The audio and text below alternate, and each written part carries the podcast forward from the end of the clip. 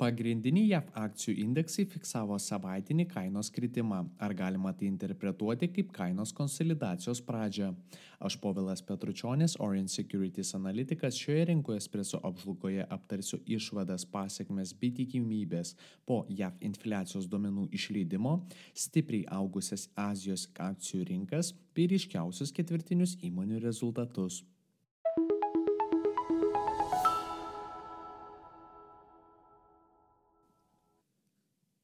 Svarbiausi praėjusios savaitės įvykiai - Junktinės Amerikos valstijos, abejonės kelinti aukštesnę infliaciją ir atšokę obligacijų paimingumai. Po pasirodžiusių infliacijos duomenų dauguma JAV akcijų indeksų fiksavo neigiamą 1-2 procentų gražą. S&P 500 krito apie 0,4 procento, Nasdaq 100 apie 1,5, o Dow Jones 30 smuko tik 1,1 procento. Geriau sekėsi Russell 2000 ir Equal Weighted S&P 500 indeksams, kurie atitinkamai kilo 1,20 ir 0,6 procento. Investuotojus antradienį pasiekė žinios apie JAV infliacijos lygį, kuris per metus augo 3,1 procento. Tokie rezultatai neigiamai paveikė rinkas ir dauguma indeksų antradienį pabaigė fiksuodami 1-2 procentų kritimą. Ekonomistai prognozavo 2,9 procentų metinį vartotojų kainų indekso augimą, o infliacija atmetus maisto ir energetikos kainas taip pat nepateisino lūkesčių ir išliko 3,9 procentų lygyje. Būtent pastarojo rodiklio mėnesinis 40 procento augimas kėlė daugiau nerimo negu įprastoji infliacija. Tiesa, rinkos šiek tiek atšoko po Fed atstovo Goldsby komentaro, kad pasirodžiusi aukštesnė infliacija nenukrypsta nuo Fed numatyto kurso, kadangi prie infliacijos šoktelimo išskirtinai prisidėjo išlaidos būstams. Aukštesni nei tikėtasi infliacijos rezultatai prisidėjo prie kritusių lūkesčių dėl palūkanų normos mažinimo artimiausių laikotarpių. Rinkos dalyvių duodama tikimybė, kad Fed sumažins palūkanų normą kovo mėnesio FOMC metu nukrito iki 10 procentų. Tuo tarpu JAV išdo 10 metų trukmės obligacijų pajamingumas penktadienį pasiekė 4,33 procento. Europa recesija Junktinėje karalystėje ir žemesnės prognozės eurozonui. Europos rinkose investuotojų nuotaikos buvo pozityvesnės nei JAV, o pagrindiniai akcijų indeksai kilo iki 2 procentų. Vokietijos DAX kilo 1,13, Prancūzijos CAC 40 augo apie 1,6, o FUCI 100 apie 1,8 procento. Europoje obligacijų pajamingumai švelniai atšoko po to, kai buvo išleisti neigiamai nuteikę JAV infliacijos duomenys. Tiesa, Europos komisija praeitą savaitę taip pat sumažino eurozonos augimo prognozę nuo 1,2 iki 80 procento. Vertinant 2025 metų perspektyvas, Europos komisija projektuoja pusantro procento metinį augimą.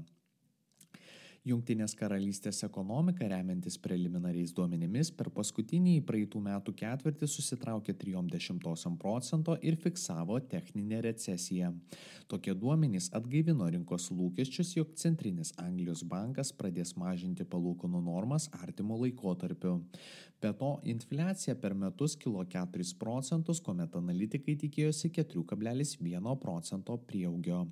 Infliacija atmetus maisto ir energetikos kainas išliko nepakitusi, tai yra 5,1 procento, tačiau paslaugų kainų lygis kilo net 6,5 procento.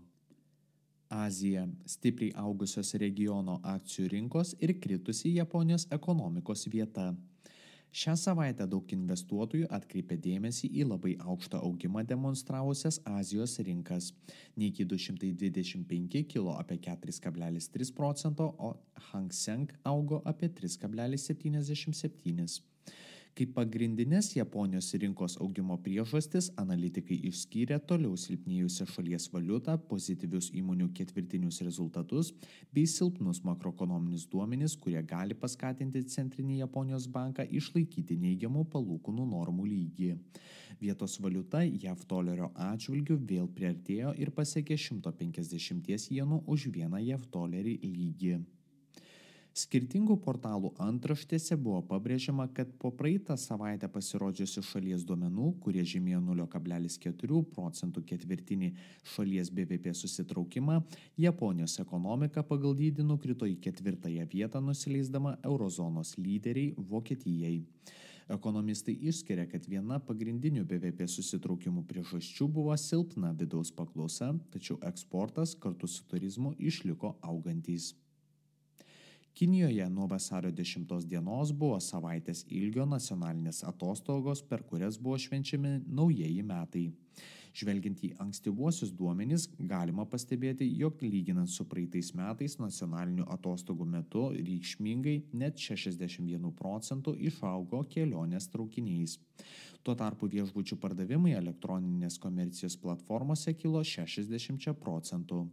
Kita vertus, analitikai perspėjo, kad metinis vartojimo augimas nebuvo toks reikšmingas įvertinus, jog Kinija prieš metus vis dar kovojo su COVID-19 viruso proveržiais.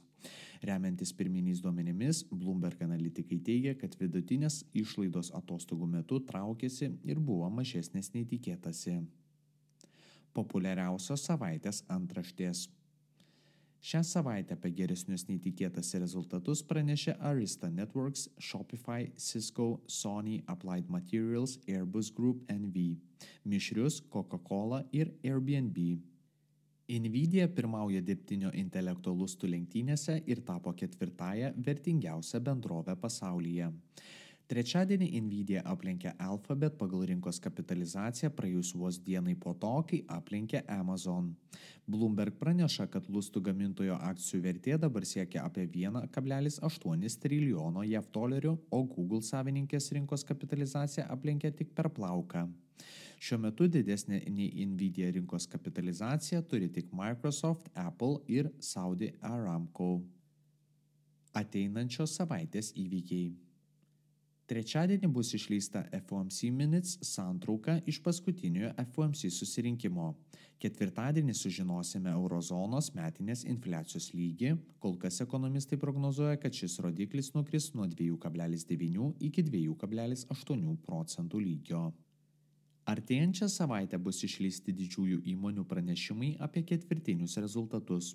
Antradienį savo finansinėmis ataskaitomis pasidalins Walmart, Home Depot, Realty Income, trečiadienį Nvidia, Garmin, Etsy, ketvirtadienį Booking, Copart, Newmont, Moderna, penktadienį Warner Bros. Discovery. Ačiū visiems klausiusiems ir gražios jums savaitės.